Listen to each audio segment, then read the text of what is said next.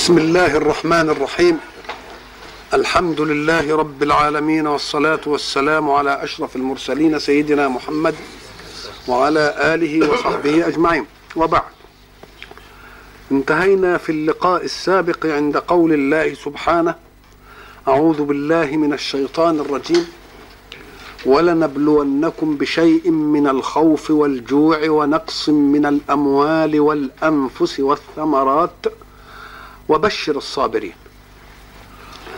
وتكلمنا عن الخوف وتكلمنا عن الجوع. وقلنا إن الجوع هو الشهوة الغالبة إلى الطعام. والطعام هو وسيلة لاستبقاء الحياة المباشرة. وسيلة استبقاء الحياة المباشرة. وإلا فهناك وسائل لاستبقاء الحياة غير مباشرة لأنك حين تجوع تجوع إلى طعام موجود هو المباشر. وبعد ذلك يأتي الطعام المباشر من سبب آخر مباشر للطعام وليس مباشرا لك من الأموال. وبعد ذلك ترتقي الأنفس التي تفعل الحركة المنفعلة في الأرض لتأتي بالأموال. والثمرات هي الغايات من كل شيء. فقول الحق لنبلونكم بكذا وكذا وكذا أي نختبركم. فما المراد من المؤمن حين يواجه هذا الاختبار؟ كيف يواجه اختبار الخوف؟ يجعل الخوف ذريعة لاستكمال الأسباب التي تمنع من وقوع المخوف. فإن صنع ذلك يكون قد نجح في مرتبة الخوف. وحين يأتي الجوع نقول يجب أن تفهم أن الجوع تستغله ليحسن لك كل رزق في الحياة. فإنك إن كنت جوعان صار كل طعام شهي. والذي يرغم الناس على تلون ألوان الأطعمة إنما هو عدم الجوع. فهو يريد أن يشهي لنفسه ليأكل. ولو انه كان جعان لكفاه أي طعام. ولذلك قالوا طعام الجائع هنيء وفراش المتعب وطيء. ساعتها يكون الإنسان متعب ينام على دبش وألائيل وأرض خشنة ويجي له نوم. ما دام متعب. وإن لم يكن متعب يبقى نايم عمال يتقلب في الفراش والدباج ولا لو كان تعبان كان نام كذلك لو كان جعان لكفاه أي لون من ألوان الإيه؟ الطعام. يبقى إذا ابتلاء الجوع إيه؟ أصبر على الضروري منه. الذي يقيم لي الحياة. فأنا آكله وقودا لحركة حياتي. ما لا آكله التزازا.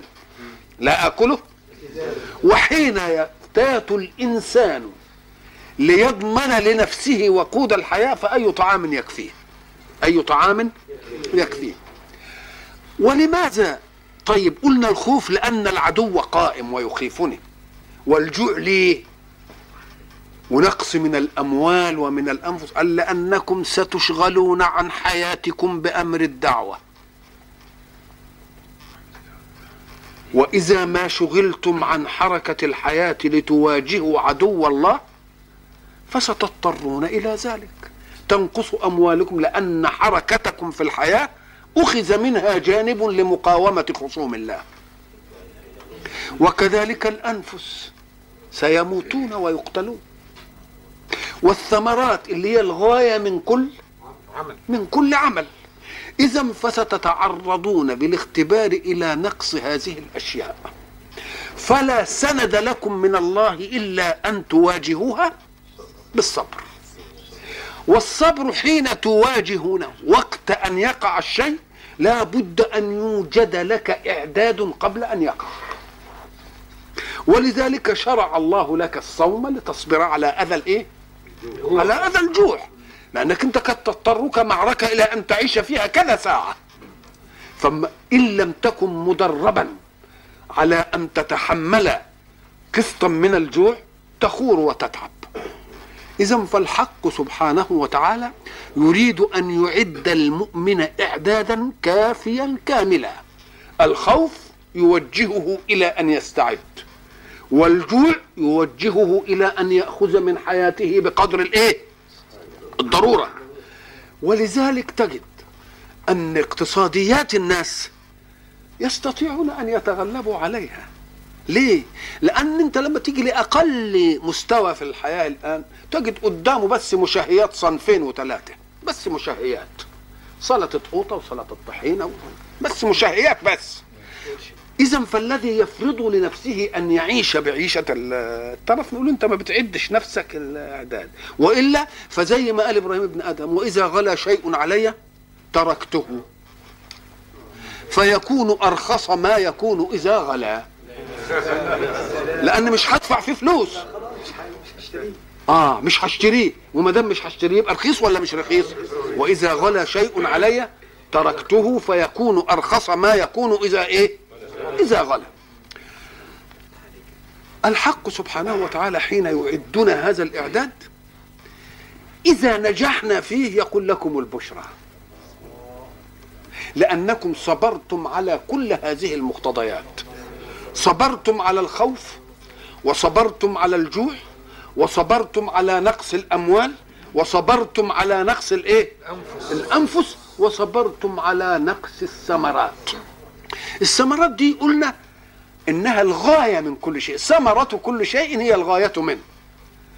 ولتتعجبوا من صنعة الحق تجد إن طرف الإنسان كله جاي من ثمرات الأشياء. والثمرة لا تحلو إلا إذا أدت مهمتها قبل أن تأخذها. ليه؟ لأن كل ثمرة من الثمار عادة هي حاضنة جنين استبقاء النوع. هي حاضنة جنين التمره مثلا ثمرة. النواة هي ده الجنين بتاع استبقاء نوع النخلة. إن قطفتها قبل أن يتكون الجنين ما يبقاش لها طعم. يوم الحق سبحانه وتعالى حتى يحوجك إلى أن تستبقي هذا النوع لا يعطيها الحلاوة والجمال إلا إذا إيه؟ إذا كملت الله. العنب ما شاء الله. ما تاكلوش إلا بعد ما يتكون البذر تمام. اللهم صل على نعم. البرتقال اذا وسيلة استبقاء النوع اللي في البذور دي ما تأخذش انه إلا لو نضجت الثمرات قبل من يمكن ما تفتكرش استبقاء النوع انت دي. وتروح واكلها وخلاص وتنتهي المسألة. وبترمي البذر وكل حاجة ومش ألا يحصل هذا؟ بدليل إننا لما بنتعجل شيء بنجيبه قبل قلنا سابقا نأتي به قبل نضجه. قبل إيه؟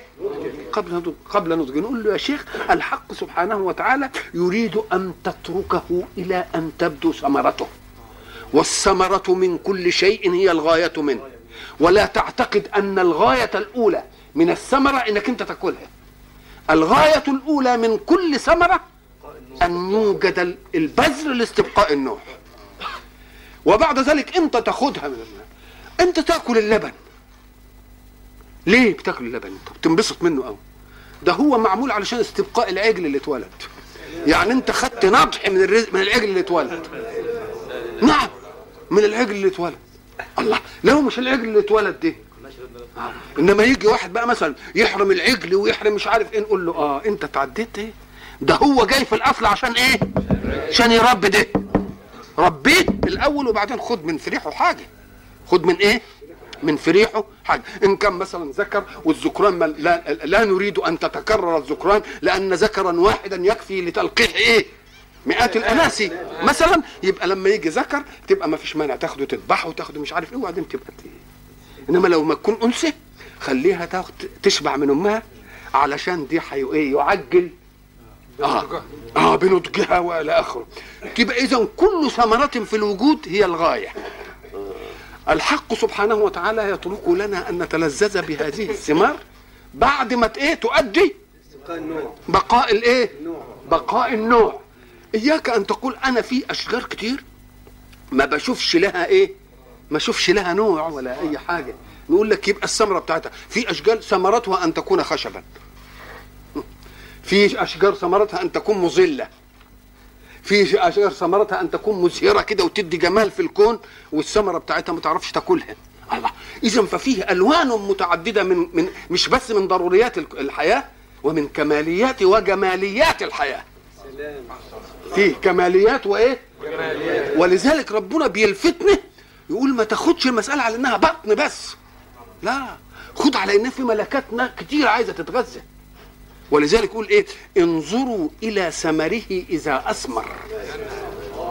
وينعه. ينعه يعني إيه؟ نضجه. اتمتع بالمنظر ده. آه. يبقى قبل ما انفجع عليه آه لازم إيه؟ اتمتع بيه. قبل ما يقول وتحملوا أثقالكم كما قلنا سابقا في الخيل قال إيه؟ ولكم فيها جمال. حين تريحون وحين تسرحون وتحملوا أثقالكم إلى بلد لم تكونوا بالغيه إلا بشق الأنفس. يبقى النظرة الجمالية في الكون ما هيش بس. وأيضا فإن كونها تحمل الأثقال ده فرع الملكية له إنما أنا لما أشوفها كده وانبسط وإن لم أكن مالكا لها. وإن لم أكن مالكا لا لما أشوف بستان جميل كده وبتاع وإن لم يكن مالي بيه يكفي إن أنا لما أمر عليه كده أنبسط وأشم ريحته الحلو وأتمتع بمنظره وهو إلى آخره فدي دائرة النفعيات فيها أوسع ولا مش دائرة النفعيات؟ آه دائرة النفعيات فيها إيه؟ أوسع يبقى الحق سبحانه وتعالى يجي بكل الابتلاءات دي والمهم أن ينجح المؤمن في كل في كل ابتلاء ليه؟ حتى يواجه الحياة صلبا ويواجه الحياة قوي ويعلم أن الحياة معبر لا يشغله المعبر عن الغاية ما دام الحياة معبر بس يبقى يبقى لازم أشوف الغاية الإيه؟ الغاية الأول ولذلك يجي الحق سبحانه وتعالى يقول الذين إذا أصابتهم مصيبة قالوا إنا لله وإنا شوف ما معنى المصيبة؟ المصيبة هو الأمر ينال الإنسان منه مشقة وألم. نقول من من من من, من أصابه من أصاب الهدف يعني حاجة شكته كده. آه. المصيبة إحنا قلنا المؤمن بيستقبلها استقبالين. الاستقبال الأول أنها مؤلمة له. كونها مؤلمة له على قدر إيلامها يكون ثوابها على قدر إيلامها؟ ولذلك لما فرح الكفار بما يصيب المسلمين في بعض المعارك قال الله للمؤمنين به لا تستمعوا إلى هؤلاء الحمقى. إن قالوا لكم في المصائب قولوا لهم لن يصيبنا إلا ما كتب الله لنا. تبقى المصيبة جاية لمين؟ لحسابنا. هناخد عليها جزاء. مش علينا. آه. قل لن يصيبنا إلا ما كتب الله إيه؟ كتب الله لنا. اذا المصيبة. إحنا قلنا المصيبة أمر يصيب الإنسان. إما أن يكون له دخل فيه. فما حقيتوش يجزع لأنه هو اللي جابه. وإن كان من غيره. نقوم نقول له عدلا أم ظلما؟ إن كانت عدل تبقى جبرت الذنب. مش كده؟ وإن كانت ظلم يبقى هيقتص ليا. الله يبقى هاي المصيبة. من عملي يبقى ما حقيقتش أزعل. لأن أنا اللي عملتها ازعل على روحك. طيب. من غيري عدلا أم ظلما؟ عدلا تبقى جبرت الذنب وخلصنا. طب ظلما؟ آه هيجي لي أنا بقى يبقى ربنا في عوني أنا يبقى اذا كل المصيبة على المؤمن يبقى خير ولا لأ؟ وبعد ذلك يجي يقول طب إيه؟ الذين إذا أصابتهم مصيبة قالوا إيه؟ قيموا أنفسهم تقييما حقا. هل أنا لي على الله حق؟ ده أنا مملوك لله. أنا فما يجريه علي يبقى بيجريه في ملكي. ولا في ملك أنا؟ في ملكه هو. كل شيء في إيه؟ في ملكه. واللي عايز بقى مش عاجبه دي يتأبى على أي مصيبة ويقول لها لا ما تصيبنيش. ما دام أنا لا أستطيع أن أتأبى على أي مصيبة أو أي حدث يبقى أنا مملوك لمين؟ لله آه طيب. ويريد الحق سبحانه وتعالى بنسبتنا إليه أن يعزنا. ليه؟ قال لك لأن ولله المثل الأعلى أرأيتم إنسانا يفسد ملكه؟ لا ابدا. يبقى ما دام ملكي يبقى أنا ما أفسدوش. ده ملكي. هل رأيتم إنسانا يفسد ملكه؟ إنما يعمل فيه ما يؤدي إلى الصلاح وإن رأى الناس في ظاهر الأمر انه إحنا ضربنا مثل للنجار اللي جاب الفارة. وقعد يمسك ضرفه الدولاب وي... هو بيعمل فيها إيه؟ ده بيحسنها. ده صنعته. مش كده؟ كذلك بيقول ان تقول إنا لله. أنا ملك لله والمالك لا يعرض ملكه للعطب. إنما يعرضه للإيه؟ للإصلاح. وإنا لله وبعد ذلك يقول وإنا إليه راجعون. ما دام إنا إليه راجعون يبقى إن كان في دي ظلم لي أنا هاخد ثوابي عند الرجوع إلى الله. الله الله. هاخد ثوابي عند الرجوع إلى الله. يبقى أنت لله ابتداء بملكية وأنت لله نهاية في مرجع. فربنا مالك لك القوسين قوس الابتداء وقوس الانتهاء. يبقى هتزعل من إيه؟ ما تزعل الذين إذا أصابتهم مصيبة قالوا إنا للإيه؟ لن- إنا لله وإنا إليه راجعون. ولذلك علمنا رسول الله صلى الله عليه وسلم عند أي مصيبة تصيب الإنسان أن يسترجع. معنى يسترجع يعني يقول إيه؟ إن إن لله وإنا إليه راجعون. وزادنا اللهم أجرني في مصيبتي واخلفني خيرا منها. الله الله إذا قلتها عند أي مصيبة تصيب يبقى لابد أن تجد فيما بعد جاء خير منها إن نسيتها افتكرها وقولها إن قلتها بعد أن تتذكرها فلك جزاؤها ولو أن كأنك قلتها ساعتها. يعني إن كنت إيه؟ نسيتها ولذلك دي حكاية. أم سلمة حين مات أبو سلمة. أبو سلمة ده كان ملء السمع وملء البصر. ولما مات جزعت عليه أم سلمة. فقيل لها قولي ما علمنا رسول الله. عليه قالت ماذا؟ قال قولي إنا لله وإنا إليه راجعون. اللهم أجرني في مصيبتي واخلفني خيرا منها. قالت وهناك خير من أبي سلمة؟ نعم نعم نعم. خير من آه.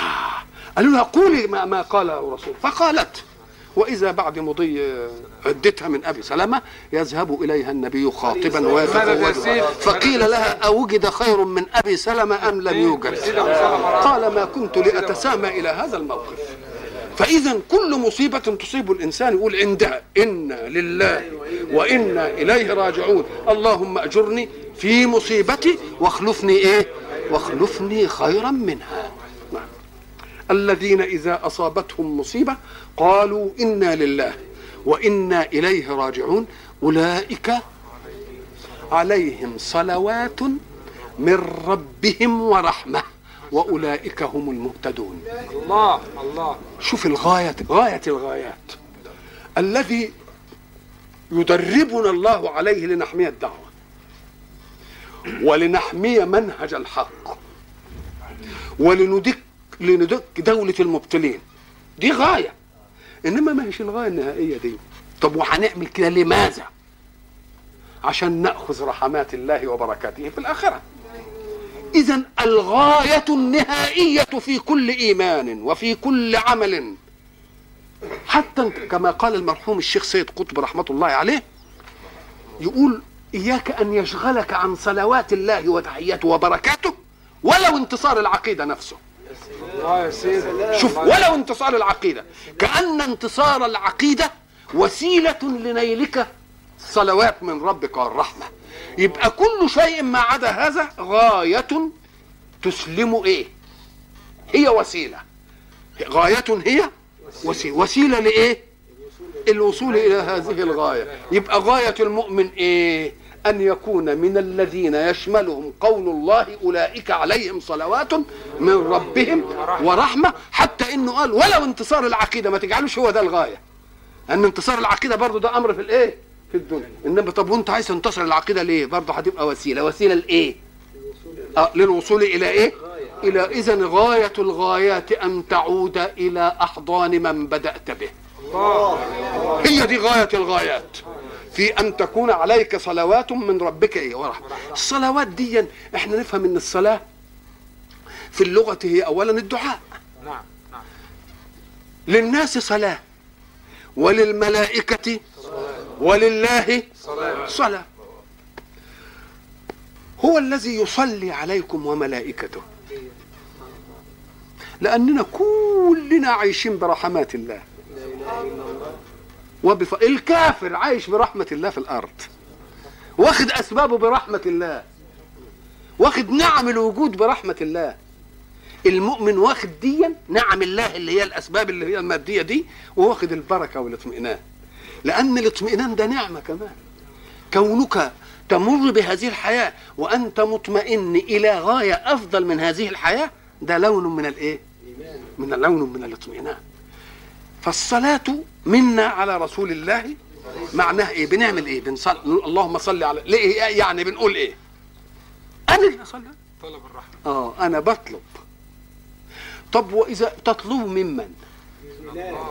طب وإذا كان الذي تطلب منه يصلي يبقى بيطلب ولا بيدي يبقى بيدي يبقى الصلاة من الله عطاء البركة والرحمة والصلاة من الملائكة استغفار والصلاة من المؤمنين دعاء. والدعاء حين تدعو الله لمحمد صلى الله عليه وسلم بالخير وبالرحمة وبالبركة دعاء لك. ليه؟ لأن كل منزلة ينالها رسول الله عائدة إلى أمته. كل منزلة. ولذلك وعائدة على على العالم كله. من الذي يشفع عند الله في يوم المحشر ليسارع الله بالفصل؟ إنه رسول الله صلى الله عليه وسلم حتى غير أمته وبعد ذلك لأمته. اذا فكل خير. يناله رسول الله صلى الله عليه وسلم هو خير لمين؟ خير لأمته. وإذا دعوت له فكأنني أدعو لمين؟ لأن إذا كنت لما أصلي عليه واحدة يصلي ربنا علي أنا عشرة. يبقى اذا خير لي ولا لا؟ خير أولئك عليهم صلوات من إيه؟ من ربهم ورحمة وأولئك هم المهتدون. إحنا قلنا المهتدون هم الذين التزموا الطريق الموصل للغاية. طريق الموصل للإيه؟ الغاية هنا إيه؟ صلوات من ربهم وإيه؟ صلوات من ربهم ورحمة. وأنت الآن متمتع بنعم الله بأسباب الله. وعند الله في الآخرة متمتع بنعم الله بالله. الله. ادي الفرق بين الاثنين. الفرق بين الاثنين. أولئك عليهم صلوات من ربهم ورحمة وأولئك هم المهتدون. إن الصفا والمروة من شعائر الله. فمن حج البيت أو اعتمر فلا جناح عليه أن يطوف بهما. ومن تطوع خيرا فإن الله شاكر عليم. الصفا جبل صغير إن شاء الله. الذين ذهبوا يعرفونه والذين لم يذهبوا أسأل الله سبحانه وتعالى أن يروه عين اليقين. والذين لم يذهبوا بيعلموه علم يقين. هناك جبل كان اسمه الصفا. وفيه جبل تاني اسمه المروة. هذان الجبلان كانت هاجر أم إسماعيل ترددت بينهما لتطلب الماء لولدها. حينما وضع إبراهيم هاجر وابنها إسماعيل عند بيته المحرم؟ قالت القول المشهورة حينما جاء ليذهب قالت إلى من تكلنا إلى أنت؟ إلى أين؟ الله أمرك بذلك؟ قال نعم. قال اذا لا قالت اذا لا يضيعنا. خلاص لا مطرح مطروح دي تدل الإنسان على اليقين بالخالق. الرازق وعدم الفتنة في السبب المباشر. لأن امرأة ووالدها الرضيع لهم من أسباب الحياة ماذا؟ هو الرجل والرجل يتركهم. شوف بقى المسألة لا تتعدى الأسباب إلا بوحي من المسبب. فقالت له إلى أين تذهب وتكلنا إلى أنا ربنا اللي أمرك بكده؟ قال نعم. قالت إذا لا يضيعنا. إذا فاستغنت بالخالق عن المخلوق. سلام سلام. أدي أول حاجة قضية إيمانية. مع ملاحظة الأرضية التي وجدت عليها هاجر حينما قال أسكنت من ذريتي بواد غير ذي زرع. مش حاجة؟ وإذا سمعت غير ذي زرع فاعلم أنه غير ذي ماء. لأن إذا وجدت الماء لازم يوجد. فإذا كان لا ماء وهو الأصل الأصيل في استبقاء الحياة. طب الهواء قالت موجود؟ الهواء. إنما الماء. فلما عطش ولدها أرادت أن تستشرف لترى نبع ماء أو ترى طيرا ينزل في مكان فتعلم أن الطير قد ذهب ليشرب أو ناس مثلا قافلة ماشية فخرجت إلى أعلى مكان. تركت الوادي وذهبت إلى الإيه؟ المكان العالي. فاستشرفت فلم تجد شيئا. فنظرت في الجهة الثانية إلى المروة وصعدت أيضا فاستشرفت فلم تجد شيئا. فظلت تتردد. بين الصفا وبين المروة. سبع أشواط. كل بالله امرأة في مثل سنها وفي مثل وحدتها وفي مثل مثلا عدم وجود مية عندها قبل ما ابنها يعطش ما عطشتش الاخرى عطش. بلغ منها الجهد. فانتهت وذهبت إلى حيث إيه؟ يوجد الوليد. لو أن سعيها بين الصفا والمروة أجدى فرات ماء لقلنا السعي جاء, لها بالماء. لكن هي قالت اذا لا يضيعنا. اذا هي ارتبطت بالمسبب لا بالسبب. ارتبطت بمين؟ فلو أنه أعطاها بالسبب ما جاء عندها حجة على صدقها في قوله اذا لن يضيعنا. يقوم كل السعي ده والاستشراف ما يجيش بنتيجة. وتذهب فتجد الماء عند رجل الوليد. يبقى صدقت قضيتها ولا لا؟ اذا لا يضيعنا. بالله لو أن الماء جاء بنظرة من على الصفا أو بنظرة من على المروة أكانت تصدق هذه المسألة؟ لا. أراد الله أن يقول لها نعم اذا لا الله. وليس بسعيك أنت. ولكن برجل طفلك هكذا يضرب تطلع منه مية. لأن في ساعات يجي سبب صحيح. إنما سبب مش فاعل في العادة. سبب غير فاعل في العادة. افرض ان ابنها ضرب برجله كده طب وابنها لما يضرب برجله كده يتفجر منها ال- يتفجر منها المية؟ آه. برضه استبقاء السببية ولو التي لا تؤدي إلى الغرض. هو الحق سبحانه وتعالى حينما جاء المخاض لستنا مريم قال لها إيه؟ وهزي إليك بجذع النخلة. ال- العلماء يجي يقول لك يا سلام حتى في هذا الوقت التي هي فيه ضعيفة يقول لها برضه زول السبب. زول إيه؟ طب نقول له طيب هتزول السبب. طب هات لي أقوى راجل خليه يمسك النخلة كده ويهزها عشان ينزل البلد. تبقى المعجزة بكه ولا لا؟ آه. يبقى بهزها وهي في المخاض للنخله برضه المعجزة بكه لأن أي واحد يقدر يجيب كده يهز. طب هات لي فتوه يمسك النخلة من الآخر كده ويهزها وتيجي. يبقى باقي ولا مش باقي؟ يبقى السببيه والمسبب معا السببية والمسبب معا. فحين تجد المية عند والدها تقوم تعرف إن صحيح ربنا لم إيه؟ لم يضيعها. وظلت تلك شعيرة من شعائر الحج إلى بيت الله. استدامة لإيمان المرء بالمسبب وعدم إهماله للسبب. يبقى عايزة إيه؟ أمرين اتنين. تفعل السبب وتؤمن بمين؟ مسبب بالمسبب. تفعل السبب وتؤمن بالمسبب. ولذلك تفرق بين التوكل والتواكل. التوكل عمل قلبي ليس عمل الجوارح. توكل عمل إيه؟ قلبي.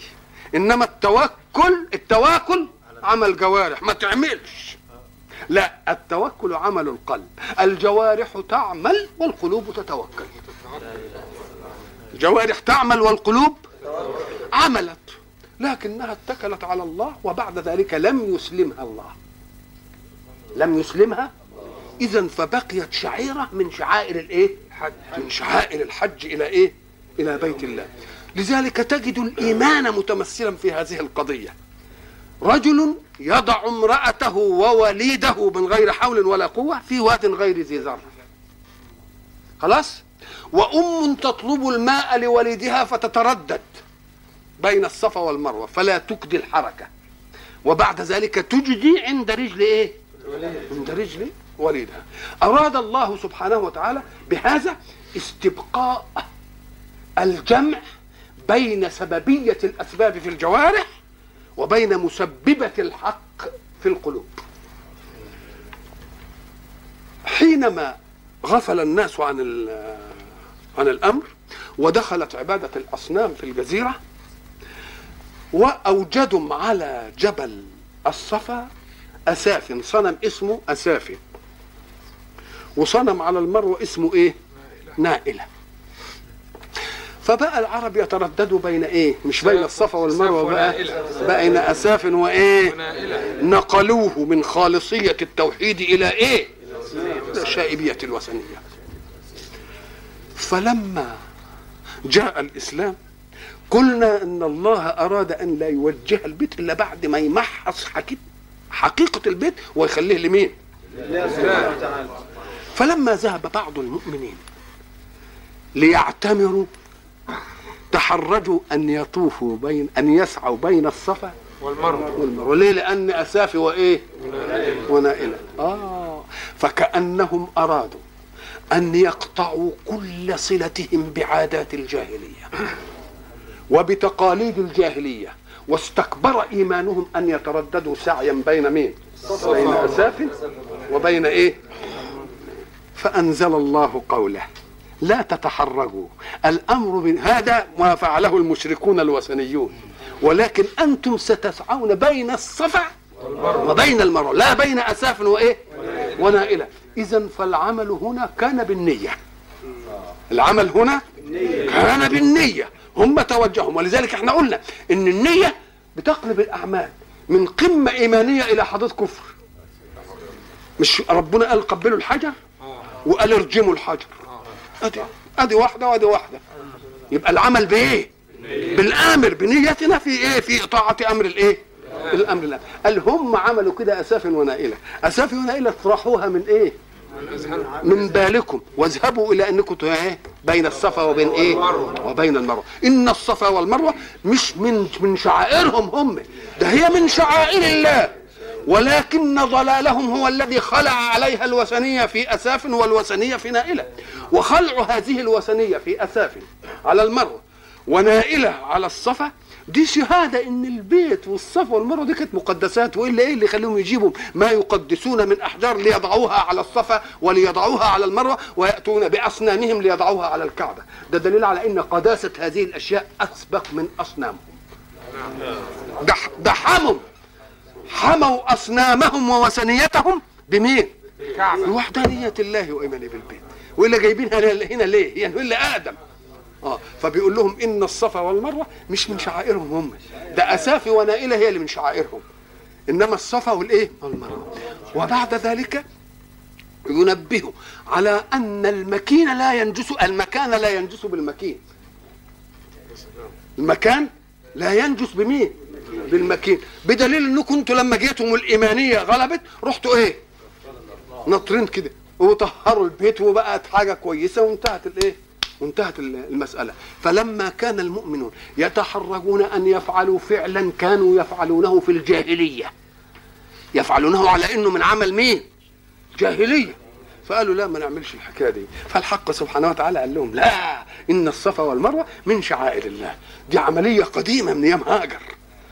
وعايزين نريد أن نستبقيها عشان تلفت الناس إلى الإيمان الإيه؟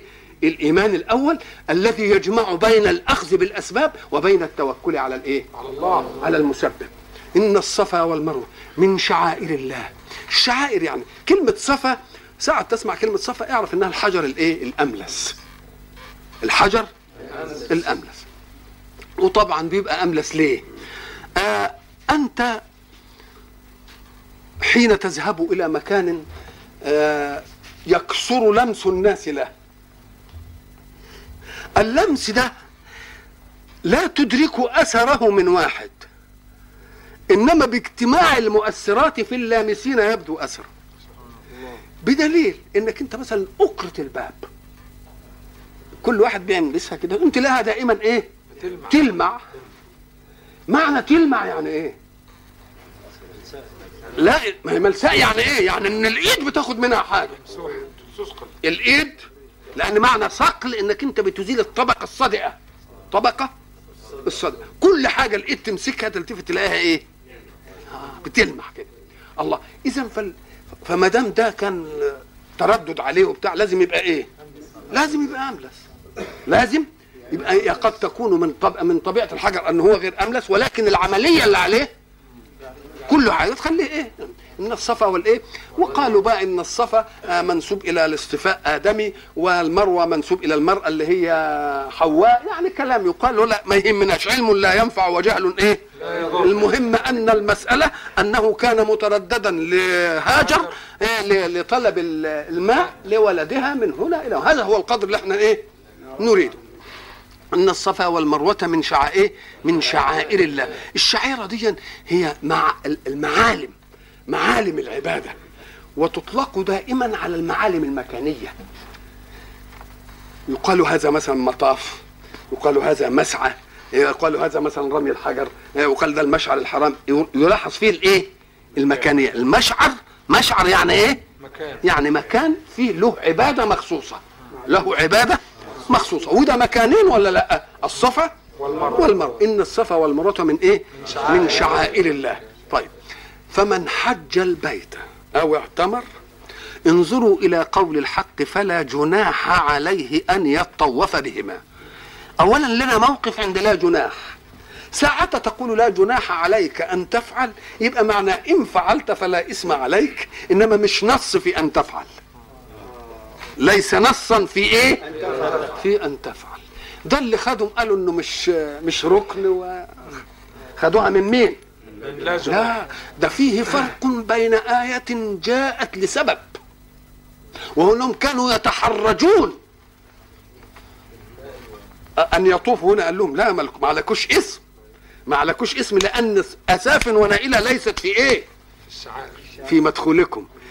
لكن قول الله فمن حج البيت أو اعتمر فلا جناح عليه أن يطوف بهما نفي الجناح هنا مش معنى ذلك أنك إن لم تفعله يصح. لا ده بيرد على حالة كانوا يتحرجون منها. خايفين يجي لهم اسم من العملية دي. قال لا كيف يكون لكم اسم؟ اعساف ونائله انتهت من من من أذهانكم واستهنت من مشاعركم وانتهت من إيه؟ من معتقداتكم. فمن حج البيت أو اعتمر فلا جناح عليه أن يطوف إيه؟ بهما. أن يطوف بهما. شوف بقى كلمة يطوف بهما هو اللي بي... هو الإنسان بيلف حواليهم. ولا بينهم؟ مم. عايزين بقى نشوف كلمة طاف ودار وجالة.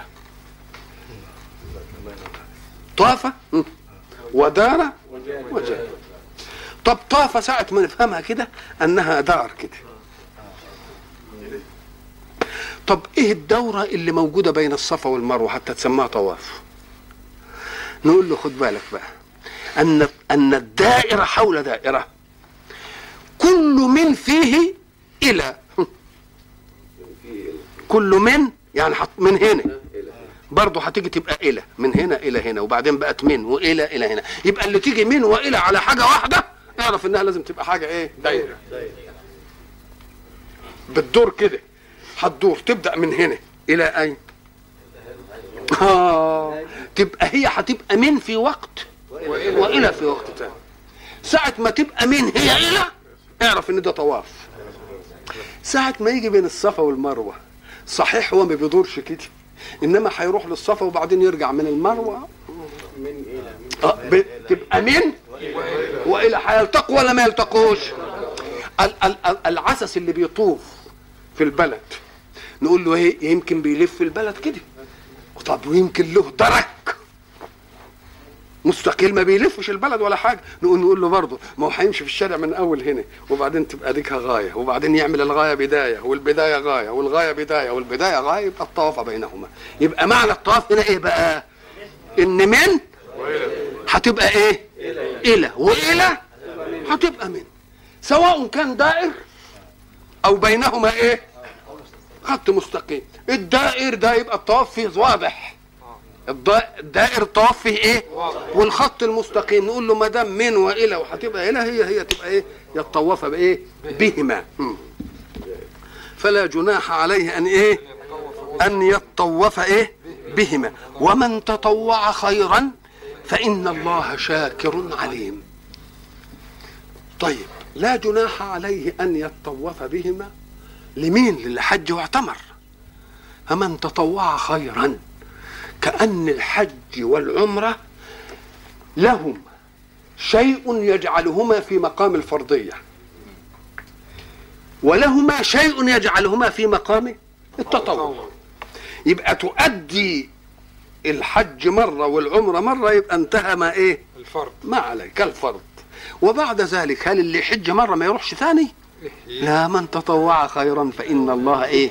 فإن الله شاكر عليم. كلمة بقى شاكر طب شاكر على إيه؟